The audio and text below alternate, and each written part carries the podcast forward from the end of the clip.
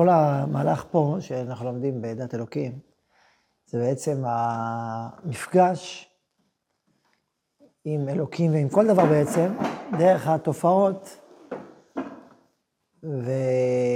זאת אומרת, לתפוס, להתחבר לעצם דרך ההופעות שלו. לא דרך ה... כביכול העצם כשלעצמו, שזה דבר שאי אפשר לתפוס אותו כשלעצמו. כל דבר בעולם, לתפוס אותו דרך התופעות, את העצמיות דרך התופעות, דרך ההופעות. ואם זה דברים נכונים בכל דבר, כל שכן, באלוקות, מקור הכל, שנעלה מכל. שאנחנו בעצם נפגשים איתו דרך ההופעותיו, וכאשר ההופעות המרכזיות, חוץ מ... בכל הבריאה, אמרנו על אידיאלים, עצות, אידיאלים, שכאשר יש בהם מרחב ערכי, אבל גם מרחב, התורה המצוות, כל התורה זה בעצם סוג של אידיאל או מצווה, כל מצווה היא נושאת בתוכה איזושהי קדושה, איזשהו תיקון עולם. כשלומדים פנימיות התורה, אפשר לראות איך כל מצווה עושה את זה. יש דברים שאפשר לראות בפועל, לא צריך פנימיות התורה, אבל יש דברים שבדרך הפנימיות נפתחים להבנה איך זה פועל ואיך זה פועם בעולם. עכשיו, אה, מאידך, יש, יש אה, תמיד הריגה, הוא קורא לזה הריגה,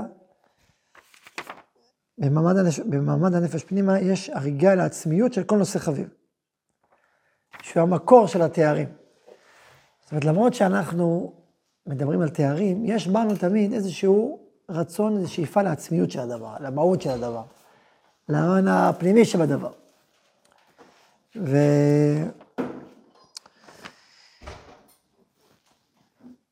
ועכשיו, אם אנחנו מחפשים הרי להיפגש עם אלוקים, אלוקים ממש, כאילו, אז uh, יש שתי אפשרויות. אפשרות אחת, בכל הדרך הרגשית, בלי, בלי, בלי השכל, שפיכת הנפש, מין תום כזה של תפילה, של דיבור, אני לא מבין, אבל אני פונה, בלי להבין כלום, שפיכת הנפש. ויש דרך אחרת, הקצה הש... או הצד שני, דרך מחקר, החשיבה השכלית, השכלתנית, הרציונלית, היא תצטרך לדבר על התארים של הבורא מצד השלילה. כלומר, אתה אומר שהוא רחום, כי אין לך דרך להגיד, הוא לא אכזר. אז זה הרבה יותר מהחולה, כאילו להגיד, הוא לא, הוא חנון, הוא לא, גומל חסד. ככה הרמב"ם אה, במורה נבוכים. תורת התארים, יש בכוזרי ויש במורה נבוכים. אז המחקר השכלי, עיקר עוזו וכוחו זה מה לא. זה לא גשמי, זה לא כזה, זה לא כזה. אין לו יכול להיות מזון חיובי. כי כשהשכל פועל, מה הוא לא יכול להבין שום דבר בחוק העצמיות. אז עיקר הדברים יהיו מה לא, ולא מה כן. ו, ולמחקר, זה נקרא, הרב קורא לזה המחקר השולל. מחקר ששולל את ההגשמה, שולל את ההופעות. ו... עכשיו, מה עושה כאשר יש לך צד אחד שכולו שלילי, אומר לך מה לא, מה אלוקים הוא לא. עכשיו יש לך צד חיובי שהוא שפיכת הנפש, אז אפשר להגיד, טוב, שני הדברים האלה ביחד, הם יהיו הדרך הרוחנית שלנו. מצד אחד, מרחב של שפיכת הנפש טבעית כמו תפילה, הוא אמר שמתוך הבנה שאני לא מבין כלום, אבל אני פונה אליו. ואם אני רוצה כבר לעסוק שכלית, אז כבר נדבר על מחקרים, על מחקר, מחקר אלוקי, שהוא בעיקר אומר מה לא. אם אנחנו רוצים להיפגש עם אלוקים, אז איך להיפגש איתו? נדבר, נדבר עליו, אני אסביר לך בעיקר מה הוא לא.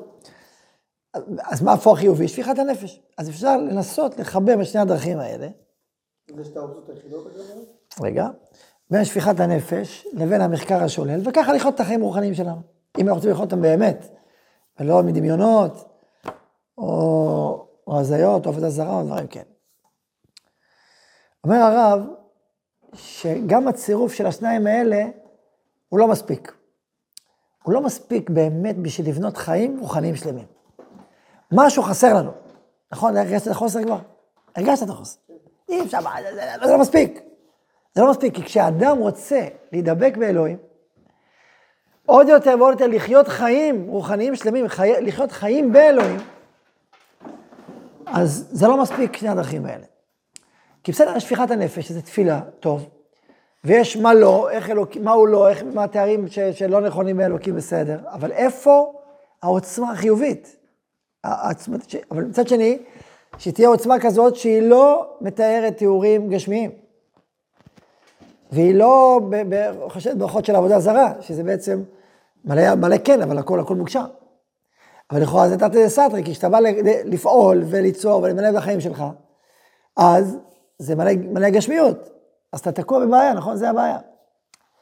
אז אומר הרב, לכן יש את הדרך הזאת, שהוא בעצם סולל פה, שבעצם בעומק זה, זה בעצם דרך התורה, זה האידיאלי, או העצות, או הערכים האלוהים. השאיפה לאידיאלים האלוהים, כשהנקודה העצמית מסתתרת בקרבה מעבר מזה. המחקר השולל, המשמרה מצללי דמיוני שם מעבר מזה, הם מתלווים לה, היא פורצת דרכה. זאת אומרת, השאיפה הזאת, להיות יותר ויותר אלוהי, יותר קדוש, יותר צדיק, לפעול יותר ויותר קדושה בעולם, יותר ויותר מוסר בעולם, יותר ויותר אמת בעולם, יותר ויותר תורה בעולם. אתה כל כולך מסור להופעת האידיאלים האלוהיים, או העצות האלוהיות, הדרכים שאלוהים מתגלה בהם. ושבתוך בתוך, בתוך הפנימי של השאיפה, זה שאיפה לדבק בו, זה הנקודה העצמית. אבל זו שאיפה פנימית, זו שאיפה שאתה לא חושב עליה באופן שכלי, כי כל, כל פגישה שכלית היא תקטין, היא תגשים. ומצד שני, אתה כולך מלא עשייה ומלא יצירה, וגם, גם המחקר השולל מתאים. זאת אומרת, זה לא אלוהים. החסד עצמו הוא לא אלוהים, אלוהים מתגלה בו, אלוהים הרבה מעבר לזה.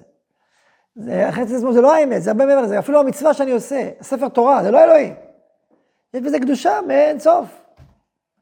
המועד, מתגלה באור גדול שמאין סופי, אני לא... אז כל מועד וכל חג וכל ערך, אתה עסוק עסוק המון המון, בהמון המון הופעות, שאתה כל כולך רוצה להגדיל אותם, כי אתה רוצה להגדיל את היחס ואת הקשר לאלוהים, כמו שלמדנו בהתחלת המאמר, שהקרבה לאלוקים מאירה את האדם, היא מאירה אותו ומרוממת אותו, ופותחת לו את הקשרים הפנימיים שלו, כולם. כל נקודה מקבלת על כל שכל והוראה, כן? אז האדם מלא מלא קדושה ומלא רצון, מלא עשה, מלא יצירה, והוא יודע שהוא לא עוסק בעצמיות האלוהית שנעלמת מעיני שכלו. מצד שני, הוא, הוא כל כולו חותר, הוא כל כולו יודע שככה הוא פוגש את אלוהים. העצמי, אבל זה מעבר להשגה. ואז האדם הולך וחי חיים באלוהים מלאים. מלאים כוח, מלאים ברכה, מלאים שמחה, מלאים יצירה. כל כוחות האישיות שלו שותפים, ולא רק נקודת התפילה שלו. או השכל השולל. לא, כל כוחות האישיות שלו, כל כוחות הנפש שלו, הכישרונות שלו, האופקים שנפתחים לפניו, הכל, הכל, הכל מחובר. והוא דבק באלוהים באמת, ובלי להקשיב. וזה כוח שנותן עוצמה גם לעם, גם לחברה שלמה. כל גלגלי הקולטורה, גלגלי התרבות, גלגלי המדיניות, הפוליטיקה. המרחב הלאומי יכול להתפרנס כולו משם. זאת אומרת, איזה דבר קדוש שאתה עושה, עבודת קודש. כשאתה אומר עבודת קודש, מה אתה אומר? זה עבודת קודש, מה שאתה עושה. אני חי את השם ככה כאילו? ככה דבקים אלוהים. עכשיו, לפעמים עושים את זה בלי דעת, והבנה שככה אלוקים מתגלה. ולפעמים עם דעת, ברור שהדעת היא פותחת, את כל הענפים לשורשם. הכל, הכל מתחבר, הכל מתברך, הכל מתעלה. ויש, ו, וזה גם דברים שאתה ממש מרגיש, הוא כל כולו חי באור אלוקי, זה ממש, קונה משפחה. אתה יודע שבית הבית שלו, בית מקדש מעט. עם האוכל והילדים, הכל, הכל, הכל בפנים. הכל בפנים, כל החינוך. אז ככה, בעצם, אמ, אפשר להגיע ל... עכשיו, הרב כותב על זה, שהרגש לעצמיות האלוהית, זה שפיכת הנפש, מתאים לכל נברא בצלם. גם המחקר, השכל, מתאים לכל בצלם. אבל האידיאלים, הם מתאימים ביותר לישראל. למה? כי עם ישראל בנוי ככה. ככה הוא רוצה, ככה הוא יושב. זה עומק שאיפות חייו. להגשים יותר ויותר את אותם אידיאלים אלוהים. את אותו, את אותו מצוות אלוהיות, את אותו דרך אלוהית, שבנית את החיים בקדושה ובמקום עליון. ואם זה שאתה פה חי, חי פה, פועל פה במציאות הארצית, העולם הזה, מעריך את העולם הזה, מכבד את העולם הזה, מתוך אותו, אותו דרגה, אותו רוממות, באמת. כן. לא הבנתי למה, למה זה נחשב אה, עיסוק במציאות, בעצמיות. למה, למה כשאני אומר, כשאני עוסק בהופעות השם, זה לא עיסוק בעצמיות, כשאני דבק באידיאלים האלוקיים, זה כן... לא, אותו דבר. הופעת השם וידי אלוהים אותו דבר. הופעת השם זה מול שפיכת הנפש לעצמיות, לא מול, לא מול החיבור לאידיאלים. יש שפיכת הנפש מול העצמיות, יש שפיכת הנפש מול העצמיות, ומחקר, ויש אידיאלים, אידיאלים זה לא מול העצמיות, אידיאלים זה מול העצמיות, אבל דרך מלא, מלא תנובה, מלא מציאות. זה עונה להגיע לעצמיות, כי בתוך, בתוך האידיאלים, חבויה נקודת העצמיות, אני עדיין עוסק באידיאלים. נכון? נכון? זה כמו אדם, אתה אוהב בן אדם, אתה מחובר אליו, ואתה יודע שבמודעות שלך אתה, אתה עוסק בכל התארים, בכל ההופעות, אבל אתה מחובר פנימית אליו. אתה דבק בו? הרב הקדים שבעצם אנחנו לומדים במאמר להתייחס להופעות ולא לעצמיות. אבל בכל זאת יש הריגה לעצמיות. אני- נכון, אבל אני- אז, אז, אז, הכוונה היא לעצמיות באמצעות ההופעות. לא לתופעות ולא לעצמיות, אלא לעצמיות דרך התופעות. אין לנו שום דרך אחרת להיפגש ממדעי התופעות. מה שהרב אומר, אז בעצם אפשר לחיות רק על פי ה... לא יודע, לחיות את האידיאלים, מה שנקרא, ובתפילה, בלי לימוד תורה, אפשר לחיות ככה. האידיאלים, האידיאלים, הרב, הרב, אידיאלים יש שתי דרגות. יש עולם הערכי, ויש התורה והמצוות. כל מצווה זה אידיאל. הרב קורא לתורה והמצוות גם כאידיאלים אלוהים. כל מצווה זה להביא אור אלוהי לעולם. אור קדוש, אור נשגב, זה נקרא אידיאל. התפילין, יש בה קדושה האלוהית, יש בה אידיאל. השבת, התפילה זה הפנייה לאלוהים, שגם היא מצווה גם. אבל כל מצווה, כל תורה, תורה זה מלא אור. זה הכי הרבה אור. אתה להגיע נגד כולם. כשאדם לומד תורה, הוא מביא אור לעולם, מביא אור אלוהי לעולם, ומתקן את המציאות באופן רוחני, באופן פנימי, את עצמו. עכשיו, אדם שעוסק בתורה, ואדם שחי בתוך מרחב, שעוסקים בתורה בתוך קדושה, בתוך תורה לשמה, הוא גם יכול להרגיש איך התורה מזככת אותו, מרממת אותו, מאירה אותו, מזכך, מעדנת אותו. נכון, זה לא רק תיאוריה כזאת חיצונית, יש דבר כזה שקוראים לו תורה. שמי שעוסק בתורה ודבוק בעבודתו לשמה, יכול להיות, התורה מאירה את חייו. מרוממת אותו. מה זה לרומם? מרוממת. היא פוגשת את, אותה נשמה פנימית ומרוממת אותה. פוגשת את הקודש, פוגשת קדושה. אבל אתה יכול ללמוד את התורה. אתה לומד אותה, אתה דן בה, אתה אומר מהלכים וסברות, לדבר על אלוהים, מה, מה תגיד? מה תגיד? אבל לדבר תורה, בלי סוף. בתוך התורה יש את קדושת השם. קדושת השם שורה בתורה, השכינה שורה בתורה, קדושת השם בה. דבק באלוהים שלומד תורה. עכשיו עוסקים בשיעור תורה, אנחנו דבקים בהשם. יש עכשיו קדושה, מביאים תורה, מביאים קדושה לעולם, תורה לעולם, אור לעולם. וזה משפיע על הנשמה שלנו, והנשמה שלנו מתעוררת. זה משפיע על העם, על העולם. זה מביא אור, תורה אור. וזה דבקות, מלא דבקות.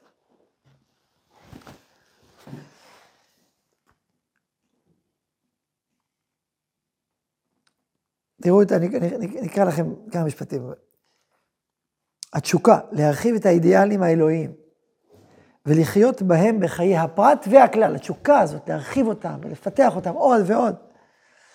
לראות בתפארת עוזם באומה ובעולם. בכל עוזה ותוקפת שתהיה ראויה להיות נשמה נצחית לעם שלם וממנה לעולם כולו עד בכל צעדי החיים האהובים והנצחיים. זאת, זאת היא נשמת התורה הפנימית. תורת אמת ותורת חיים.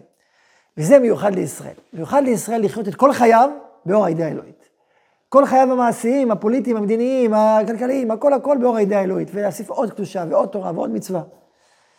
לחיות חיי קודש עליונים בתוך החיים, בתוך המציאות הזאת כולה, זאת נשמע התורה הפנימית, וזה מיוחד לישראל בתור אומה יחידה בעולם, שזה עניינה.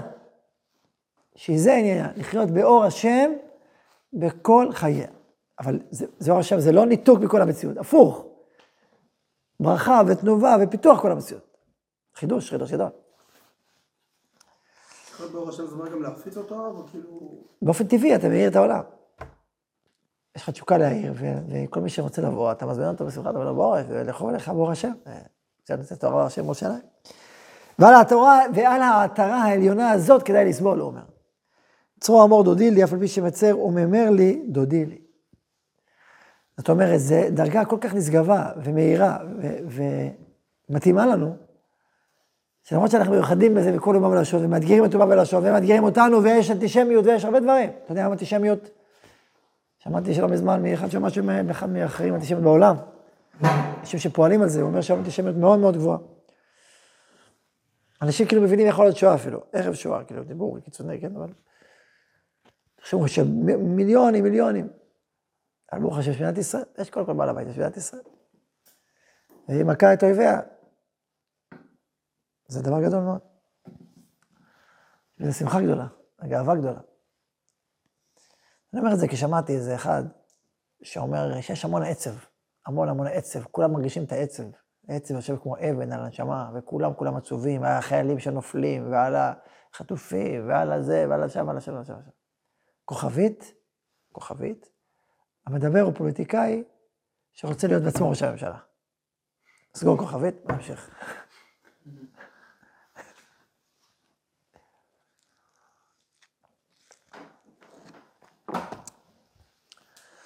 והמציאות האמיתית, הפנימית, אחרת לגמרי. לא שיהיה לנו כאב לב, יש לנו כאב לב, על נופלים, מה, לפני ששמור על זה כאב, כאב עצום. יש לנו כאב לב על חטופים, כאב עצום. לגמרי, לגמרי. ועם זאת יש לנו שמחה וגאווה ואמונה, ו- ווואו, איפה אנחנו נמצאים. זה ככה אנחנו. וזה, וזה החיילים, זה החיילים שלנו, ככה הם אומרים, ככה הם חיים. תהיו שמחים.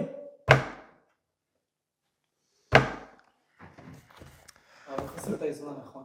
איך עושים את האיזון הנכון? יש איזה שיר כזה, לא, האיזון הנכון, יש שיר כזה? אה? תשמע את השיר. את השיר. שמע את השיר. השיר מדויק, תשמע, שמע אותו. עכשיו, אנחנו ממשיכים, ויש פה עיקרון גדול שהרב מדבר עליו בהמשך. נגיד עוד שתי עקרונות. עיקרון אחד, לבושין דלביש, במל... מלכה לבושין דלביש בצפרא, לא לביש ברמסה. זאת אומרת, אני ככה, אנחנו עם ישראל, עם שחי את כל ההיסטוריה בתוכו. כאשר במהות הפנימית יש את הדיבורים האלה שאנחנו מדברים פה, זה נמצא בכל ההיסטוריה שלנו. בראש של ההיסטוריה בכלל. רק למה? לא תמיד ההופעה החיצונית של אור השם מופיע באותם לבושים. לפעמים יש מצוות שהן תופסות במיוחד, עכשיו נגיד שיבת ציון. שיבת ציון זה הופעה ענקית, זה, זה דרך להתחברות רוחנית, שאנחנו זוכים בה ודור אחר לא זכה בה, נכון? זה לא רק התחברות חיצונית, זה התחברות רוחנית. הכלכלה, שפע, דור של שפע, דור של כלכלה, דור של תקשורת עולמית, דור של תקשורת אה, בתוך ה... איך מדברים אל העם היום בדור שלנו, איך מדברים לעצמנו בדור שלנו, איך עושים את זה טוב בדור שלנו, זה עולם, נכון? למה צריך את השופט שבימיך? כי השופט שבימיך, הוא לוקח את אותה אמת נצחית, וחווה אותה בדור שלו, ומעביר אותה לעם ישראל בשפה, בדגשים, ובצורה שהדור הזה צריך לשמוע. זו אותה אמת נצחית, הוא לא מזייף את האמת, חלילה וחס. אבל הלבושים שלה, הצורות ביטוי, הדגשים, הניגון, הוא מתאים לדור שלך. כי בכל דור ודור, אלוהים מתגלה, אלוהים האינסופי, מתגלה בלבוש אחר, בהופעה אחרת. וזה זה, זה ניגון אחר, זה סרט, אם היינו לוקחים את ההופעה, חיי התורה והמצוות, חיי הרוח הישראלי לפני 500 שנה, ומתרגמים את כל חיי הרוח הזה למשהו אומנותי של מוזיקה, או של ציור. ציור, ציור של היהודים ומפוזרים בכל העולם, וכל אחד במקום שלו, ו... ולוקחים את חיי הרוח הרוחניים של היום, עם ארץ ישראל, זה ציור, זה אותו ציור? זה אותה הריגה של בגד? במהות כן, אבל בפועל, זה הצורה, ציור אחר, דגישים אחרים, ניגון אחר, ממד אחר, מרחב אחר, נכון?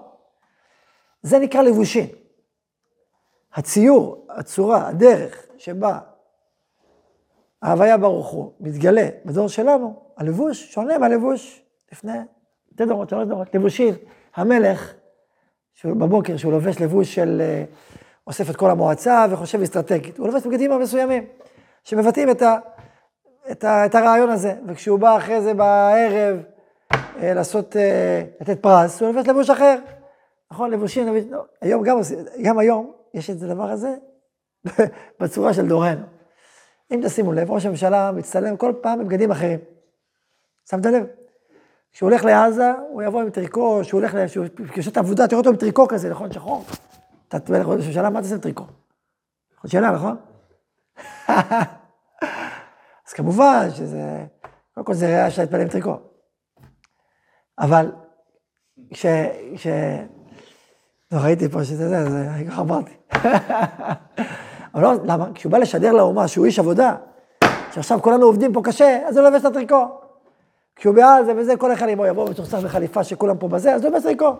אבל כשהוא יושב אה, עכשיו, אה, קובע פגישה מדינית, כשהוא, בבית, כשהוא, בבית, כשהוא בכנסת, הוא יבוא עם איזה משהו אחר, נכון? אז, כל, אז, אז כל פעם זה מותאם לפי העניין, לפי מה שצריך לשדר לעם, מה שצריך לשדר לאזרחים, לאנשים, נכון? אז ככה מלכה, לבושים לביש, לביש בצפרא, אז לא לובש ברמסה. זאת אומרת, מה שהמלך לובש בבוקר, הוא לא לובש בערב, כי זה מותאם להנהגה של המלכות באותה השעה. וכמו שזה נכון במלך בשר ודם, ככה זה נכון גם במלכות העליונה. בורא עולם, הקדושה, איך היא מתגלית בכל דור, באופן אחר. ולכן צריך כל דור קראו לעבוד את השם באופן שמתאים לדור שלו. זו אותה תורה נצחית, אותה תורה קדושה, אותה אמת עליונה, שצריכה להופיע באופן הזה. וצריך לי, צריך לשמוע את הניגון הזה. מה הלבוש של הדור? מה הלבוש? שנייה אחת. אני רוצה להוסיף עוד דבר, דבר עמוק.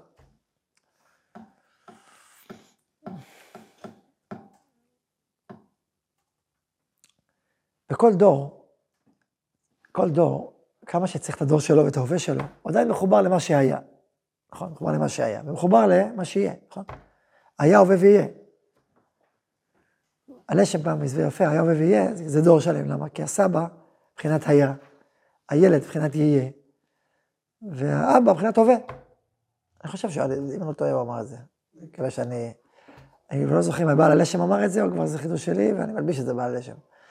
אני יודע, אם אני זוכר נכון, בעל הלשם אמר את זה, אני מקווה שאני צודק, פשוט לא רוצה לתלות בדבר שהוא לא אמר, אז אני צריך לבדוק את זה.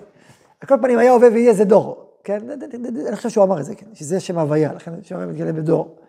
סבא, עכשיו, אם ככה, אם הסבא הוא היה, למה הוא צריך להיות עכשיו? למה? מה התפקיד של הסבא? החיבור לכל הדורות הקודמים, הוא מספר לך מה היה ואיך היה. עכשיו, הוא מדבר כסבא, אבל לסבא יש תפקיד מאוד מאוד חשוב. אפשר להביא לך, ויגיד לך זקניך, ויאמרו לך. עכשיו, אם עכשיו האבא הוא הדומיננטי, למה צריך את הבן? כי הבן מה הוא, הוא החוליה של העתיד. לכן הדור יש לו חוליה שמחבר אותך לעבר, וחוליה שמחבר אותך לעתיד, ויש את ההווה. את האבא, נכון? שהוא עכשיו אצלו המלכות, בפועל. יש את הסבא, יש את הילד, אבל עכשיו מי הולך בפועל? האבא, נכון? זה בפועל, אז יש לך, אז ככה בכל דור יש מרחב שקושר אותך לעבר, מרחב שקושר אותך לעתיד, מרחב של ההווה. בפשט, בפשט, זקניך, הילדיך ואתה. אבל זה לא רק זה. יש עוד בחינה פנימית בעניין הזה, שיש גם, אם תשימו לב, יש אה, נשמות כאלה שקשורות לעבר. החיות הרוחנית שלהם בעבר נמצאת. תספר לו מה היה בעבר, הוא מלא ביסום. תן לו ספרים כאלה, או... בהווה הוא לא מסתדר כל כך, לא מתאים לו כל כך האירוע, הוא לא יודע, הוא לא זה. אז הוא יבש יותר עבר, הוא יחשוב יותר עבר. הוא יודע, אבל איך שהוא מסתדר פה בחיים, ככה כמו שהוא, וזהו. החיות הרוחנית שלו היא בעבר נמצאת. ויש אנשים, נשמות כאלה, שהחיות שלהם בכלל בעתיד. ההווה הזה לא מעניין אותם, משעמם אותם, מפריע להם, מציק להם, העתיד, הוא... חושבים עתיד כל היום, על העתיד, על העתיד, נושמים ויונקים מכוחם מהעתיד שיגיע. ויש אנשי הווה. שמה שקורה היום, זה, זה הדבר. עכשיו הכי טוב להיוולד. אה, יש עתיד, במובן, אנחנו אומרים לעתיד, אנחנו לעבר, אבל היום, היום בכל תשמעו. לפחות שבימיך. זה נשמעות שזה העניין שלהם. נכון, אתם שמים לב שיש דבר כזה? בלילות תשימו לב. אבל צריך את כולם. כי רק, רק זן אחד זה לא מתאים. כי לכן יש כולם, ואז הזן אחד, הוא בא בתוך, יש פה חבורה עכשיו, עומדים פה עכשיו בהווה. אחד מחכה, אני, מה היה שם, ומה הדורות הקודמים, וככה וככה, ואנחנו ממשיכים את כל הדורות, כל המסורת הישראלית. והשני מדבר איתך מה על העתיד שצריך להגיע, ואיזה עולמות חדשים שצריך להופיע, ומה שקורה פה עכשיו זה רק זמני ולא משמעותי וכולי וכולי. עוד מעט תהיה שיעור שני, לא משנה, תהיו כבר, זה סוף השיעור הראשון, עוד מעט תהיה שיעור שני. תקשיבו, אמנם זה נכנסים לתוך מאמר דעת אלוקים, וזה באמצע מאמר ובאמצע מאמר עמוק, אבל לא נורא. אז בכל דור יש, יש את מה ש... כמו שאמרנו, את מה ש... אז לכן יש נשמות כאלה, שבעצם נמצאות בדור, ובכל קבוצה, בכל חבורה, בכל מרחב, יש... לכן תמיד ישאלו אותך, והשאלות שלהם, ומה שמטריד אותם, הם מחוזות אחרים. אחד מהעבר, אחד מהעתיד ואחד מהעבר. תתבוננו, תראו ככה. כי זה תפקיד, יש סיפור יפה, אז אמרתי לכם אותו, אני חושב שזה רומז למהלך הזה. אה, על רבי נחמן. הרי רבי נחמן הוא דוגמה לאיש עתיד. כמה חסידים היו לו? 200 חסידים, בקושי, לא יודע, 100 חסידים, ורדפו אותם ולא הבינו אותו. ופעם אמר, אני מתפלא על עצמי, יש לי בשבע 200 חסידים. כמה חסידים יש לו היום? 20 אלף, 30 אלף. נכון? לא יודע יותר, אבל חסידים, יש דרגות. לא? סופגים את תורתו יותר. חסידים יש לו 20 אלף. תחשבו, אדם שכשהוא היה חי, היו לו 20 אלף חסידים. והיום יש לו, היו לו 200 חסידים, היום יש לו 20 אלף. אז לאיזה דור הוא שייך יותר? אז או היום? היום, נכון? גם. אף הוא גם, מתפרדים ומתרבים. כמה דורות. תלוי בעוצמת הנשמות, יש שמות של דודורה, וגמרנו, אחרי זה הספרים שלהם, וזה כבר טוב, אתה קורא, אתה אומר, זה לא קשור אליי, לא מדבר, אתה רואה את הרב קוק, אומר, רגע, זה קשור אליי עכשיו, הוא מדבר אליי עכשיו. הוא חי לפני 80 שנה, ואפילו השפה שלו היא שפה של עכשיו. הוא מתקדם עוד. רעיונות שהוא אומר, וואו, אז הוא יונק מדורות הבאים, נכון? לא רק, עכשיו, יש מעשה, מעשה מדהים בעיניי, כן, אתה שמוע של, מספר את הסיפור הזה. הבר פלוגתא של רבי נחמן היה סבא משיפולה. היה אדמו"ר, חסידי, אבל הוא מתנהל לרבי נחמן, היה כועס על מה שהוא עושה וזה וזה. ואז למשל אומרים, שובבים, רבי נחמן אומר תיקון כללי, במקווה, הוא אומר תעניות. אומר הרב, מה? תיקון כללי, קוראים כמה פרקי תהי, כמה כפית הלך תהילים ומקווה נגמר? מה פתאום? אולי לעוד כמה דורות זה יתאים, אמר סבא משפול. אבל עכשיו זה מספיק, מה פתאום? מספר סיפורים? מה זה סיפורים? התחיל לספר סיפורים. ממתי אדמו"ר מספר סיפורים? ככה שואל סבא משפולה. הוא עצמו גם סיפר, אבל אם אתה סיפור, יספר לך גם סיפורים, הוא גם סיפר את זה, סיפורים. מה זה הסיפורים האלה? כל פעם היה מעורר איזה מחלוקת, הוא אומר, מה פתאום, זה לא מתאים, אסור וזה וזה. יום אחד היה דיאלוג בינו לבין רבי נחמן. אז הוא אמר, אז הוא אמר, שהרבי נחמן בכלל לא, אז הוא בכלל לא מתאים לדור הזה, בכלל זה דורות אחרים, הוא בטעות פה, ככה, הוא בטעות כאילו. אז שמעו את זה לרבי נחמן, אז הוא אמר בדיוק הפוך. כלומר, הסבי שפולה הוא לא קשור לפה. הוא קשור לפני שלוש דורות בכלל, למה קוראים לו סבא? הוא קשור לדורות אחרים, הוא קשור לפני... ככה הוא אמר. סיפור את הדברים לפני הסבי שפולה, טוב, האברך הזה אומר, יודע שמץ דבר. כן. אז הוא סיפר שבאמת, שככה הוא ככה מספרים יחסים, שהנשמה שלה צריכה להגיע לפני שלוש דורות. אבל הייתה סיבה מסוימת מיוחדת שהוא הגיע בדור הזה, אבל באמת, באמת, הוא שייך לשלוש דורות. אבל יש סיבה ספציפית שהוא הגיע בשביל לדור הזה. אז מה המחלוקת ביניהם? הוא, הוא סבא והוא ילד, נכון? הרי רבי נחמן מדבר על, על התינוק, על מרחב של התינוק, יש לו הרבה סודות על תינוקות. מה? כן, והוא, והוא, והוא, והוא סבא, אז יש מחלוקת. הוא צועק זה והוא צועק זה. עכשיו, לכן אני אומר, תתבוננו בזה, זה דבר גדול. אז לפעמים אדם מקדים את זמנו, זה הולך לפני האלוהים, פעם דרשנו שזה לפני, לפני האלוהים, מקדים את זמנו. ויש את האלוהים, את הלכנוך, את האלוהים זה בזמנו, לפני האלוהים זה לפני זמנו. וכלומר, לפני ההופעת האלוהים המרכזית. עכשיו, זה חשוב, למה זה חשוב? כדי שיהיה אנשים שיבשרו, שיכינו את הקרקע לדורות שיבואו אחר כך. עכשיו, נחמן עצמו דיבר המון על הכפירה והכפירה, אבל... והכפירה הגדולה באה אחריו. זה התחיל בזמנו, אבל בעיקר אחריו. והוא כבר דיבר על זה, ואלף ואחת צורות ודברים, על האמונה ועל הייאוש. רק הדיבור על הייאוש, כל כך הרבה דיבור על הייאוש. לעתים לדורו לדורות, לדורות אחרים. וזה פלא שדיבורים כאלה יכולים לקחת אדם מתל אביב ולהעביר אותו מטרפוזה רוחנית קיצוני מקמין מפה לפה. זה, פלא פלאות.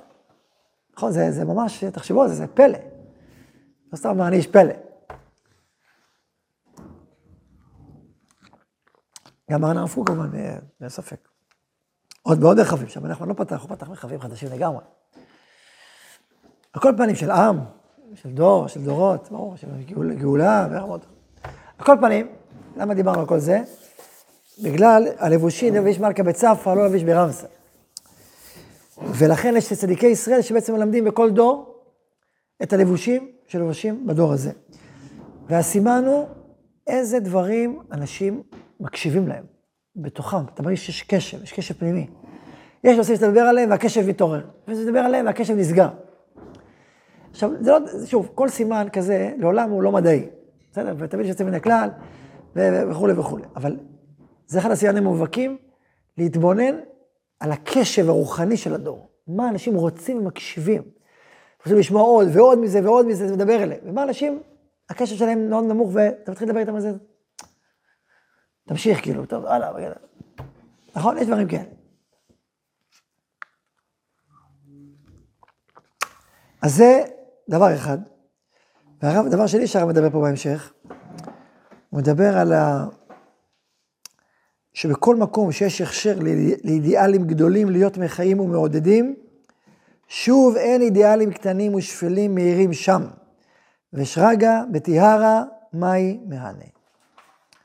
אומר הרב, אם אנחנו נמשיך ללכת בדרך רוחנית, שהיא לא מחוברת באופן עמוק אל הנשמה הישראלית, אנחנו לא רק שלא נעלה, אנחנו נרד. זה אחד האמירות העמוקות ביותר שהרב מדבר עליהן כל הזמן, צועק אותן. או שאתה רואה מישהו יורד, זה יכול להיות כי הוא התרחק, כי הוא תאוותן, זה יכול להיות, אבל זה יכול להיות גם הפוך. יכול להיות שהוא מחפש משהו יותר משמעותי, ויותר חזק, ויותר נוגע, ויותר עמוק, ויותר עשיר. ושלא מקבל את זה, אז הוא לא, אז הוא קשה לו, אז הוא משתעמם והוא הולך. מקום שאידיאלים גדולים צריכים לחיות, ואתה מביא לו אידיאלים קטנים, אז, אז, אז, אז הם לא מחזיקים מעמד. שרגא בטיארה, אתה לוקח נר באור של יום, מים מענה, שיש נשמות עם שאיפות כל כך גדולות ועמוקות ופנימיות, אתה מביא להם נרות פשוטים, זה משעמם אותם. זה לא מדבר אליהם, זה מרחיק אותם גם.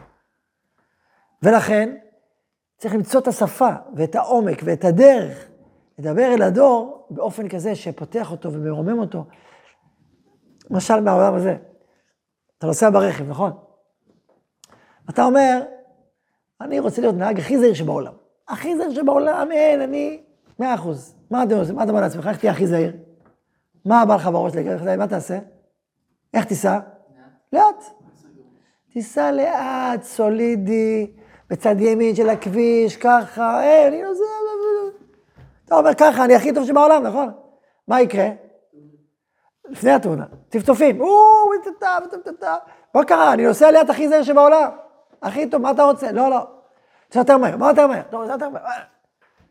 אז אתה נוסע מהר מדי, אבל אתה נוסע, אם אתה נוסע לאט מדי, פתרון הוא לא לעצור, להגביר את המהירות. אתה אומר, לא, אז אני אעצור. אתה אומר, אז אני אעצור. אני אעצור, תעצור יותר גרוע. הפתרון הוא להגביר מהירות, לעלות דרגה, לעלות קומה, גם זה פתרון, זה לא רק פסיבי, אחורה, הימנעות, כל היום הימנעות. לא להימנע כל היום, יש גם ללכת עוד צעד קדימה, גם זה פתרון, זה עוד דרך, לעלות קומה. כשהייתי ילד, לא יודע, היום פחות אומרים את זה. למרות שמישהו דווקא אמר לי את זה לא מזמן. כשהייתי ילד, שעשיתי אוכל כמו שראוי לשבח, נכון, יש כאן, אתם בתעודה. אז אחד האיחולים היה עלה והצלח. היום יש את זה? כבר לא. אז עדיין. הערת, כן. אז תמיד אצלי זה, עלה והצלח זה משהו כמו, בראש שלי זה כמו איזה, יש לו ילד פוטנציאל. זה איזה מין כזה קשור לאיזה תעודה, ומין כזה, אתה קורא ואתה אומר, עלה והצלח. אני לא יודע, לא יודע אם עלה והצלח, איזה דרגה זה עלה והצלח, איזה משהו כזה. ככה זה אצלי תקוע עוד מ... אבל כשמתבוננים במשפט, זה פסוק הרי, הלב והצלח ורחב על דבר אמת. כשמתבוננים בפסוק הזה, זה דבר מאוד נפלא. אתה רוצה להצליח, תעלה. עלה והצלח. זה לא תעמוד על מעודך. אתה רוצה להצליח? תעלה. תעלה דרגה, תעלה עוצמה, תעלה פאזה. עלה והצלח. ככה תצליח. נכון? זה יפה. צריך לפשוט אותו מלבושיו הקודמים ולתת לו את התוכן האמיתי שלו. עלה והצלח. אז פה הרב מדבר על זה, ולכן, אם אנחנו נס... ואז הרב מחבר את זה לכל הדרך שאמרנו עד עכשיו, שגם אם ננסה לחבר דרך דתית, שהיא, שהיא שטחית, שהיא פשטנית, היא לא תצליח. צריך דרך הרבה יותר עמוקה, אבל ש... שפתוחה לכל העולם במציאות. קראתי לא מזמן איזושהי ביקורת, אה, ביקורת, אה, תגובה נקרא לזה, הערה.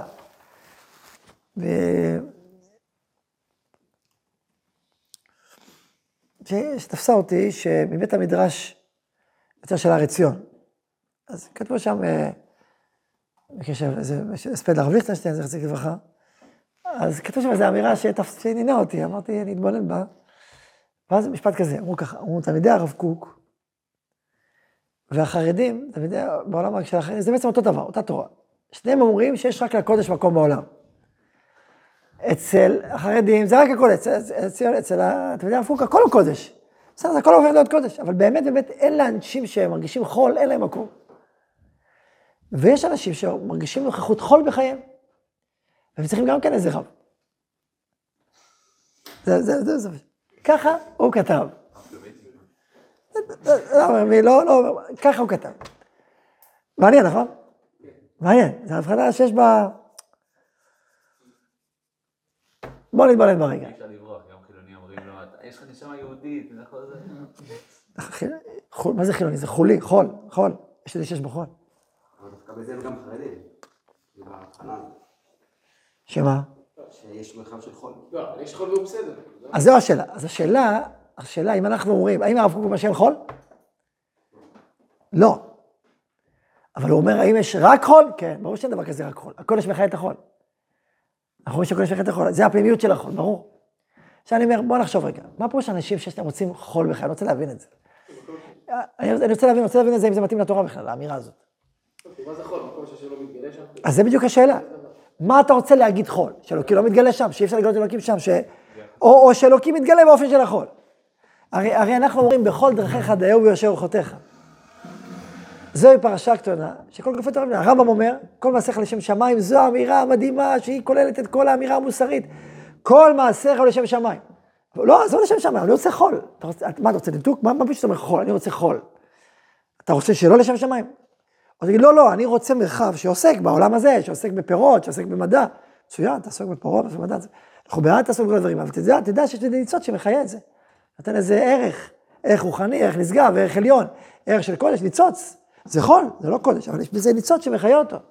השבת מאירה את כל ימות השבוע, ברור. אתה לא רוצה את זה, אז מה זה שם שמיים? תעשה את זה לשם החול, לשם עצמו, שהוא מונוטרל. מה זה, מה זה הדבר, מה, מה פירוש הדיבור הזה? על כוכך זה עניין חינוכי, כלומר, בוא נקטין קצת את התדר של הקודש, קצת יותר, אבל אני אומר, זה ברור שהאידיאל הישראלי הוא לעלות. מה זה, כל, כל הספרי המושג, כל, כל הכתובים, ואתם דבקים בהשם אלוהיכם כולכם היום, מה זה? אהבת השם אלוקיך, שש מצוות תמידיות, מה המצווה? אהבת השם אלוקיך, מצווה תמידית. בוא, תן לי רגע קצת חול. אהבת את השם אלוקיך, מצווה תמידית. יראת אלוהים, מצווה תמידית. נכון? אז מה זה, מה זה הדיבור הזה? עכשיו, לא זה מטריד אותי הדיבור, מטריד אותי שהוא, הוא לא מבין, זה, זה פשוט טעות. כי יש חול, ברור שיש חול, ואני, וזה, וזה מאוד מובן. אבל זה שלא כל אדם מתאים לו לעסוק בקודש כל ימיו, זה מובן, כי לא כולם כהנים. נכון? כל, כל האומה כולה כהנת, שיוצאת במקדש, עוסקת כל היום במ... לא, היא עובדת ופועלת, אבל יש בתוך תוכה נשמה קדושה, עליונה, כל אדם בתפילה ותפילין וטלית, והוא מחובר לאלוקים, עובד אלוהים.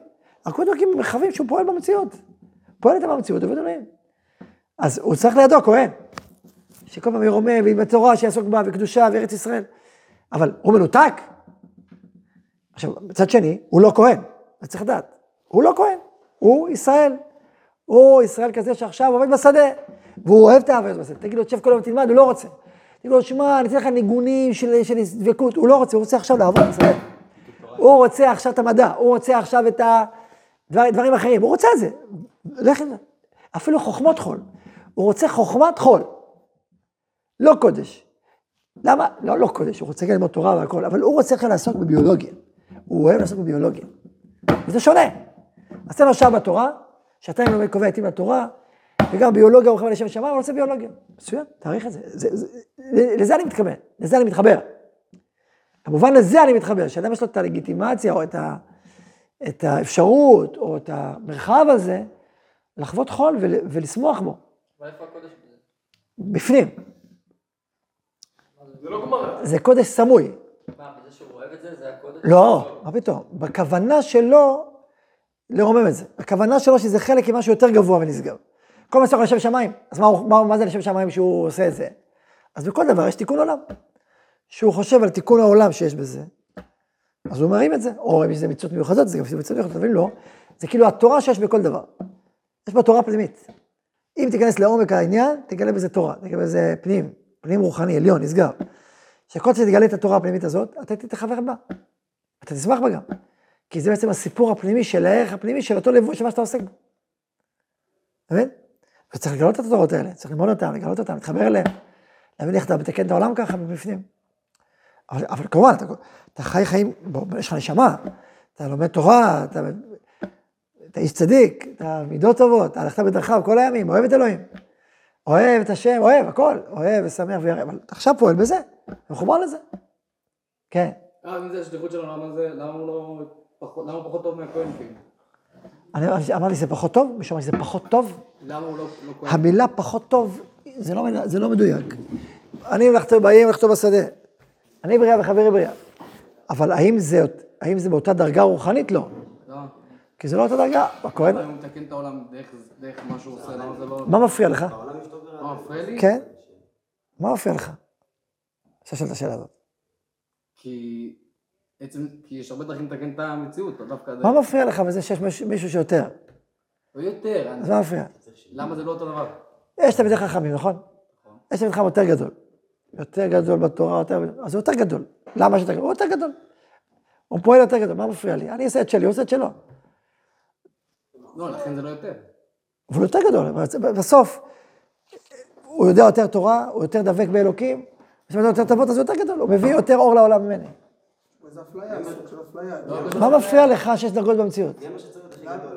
אתה צריך הכי גדול? אתה צריך הכי גדול? לא מה מפריע לך? אבל כאילו, אם זה התפקיד שלי... זה קשור לנושא הבא של הקנאה.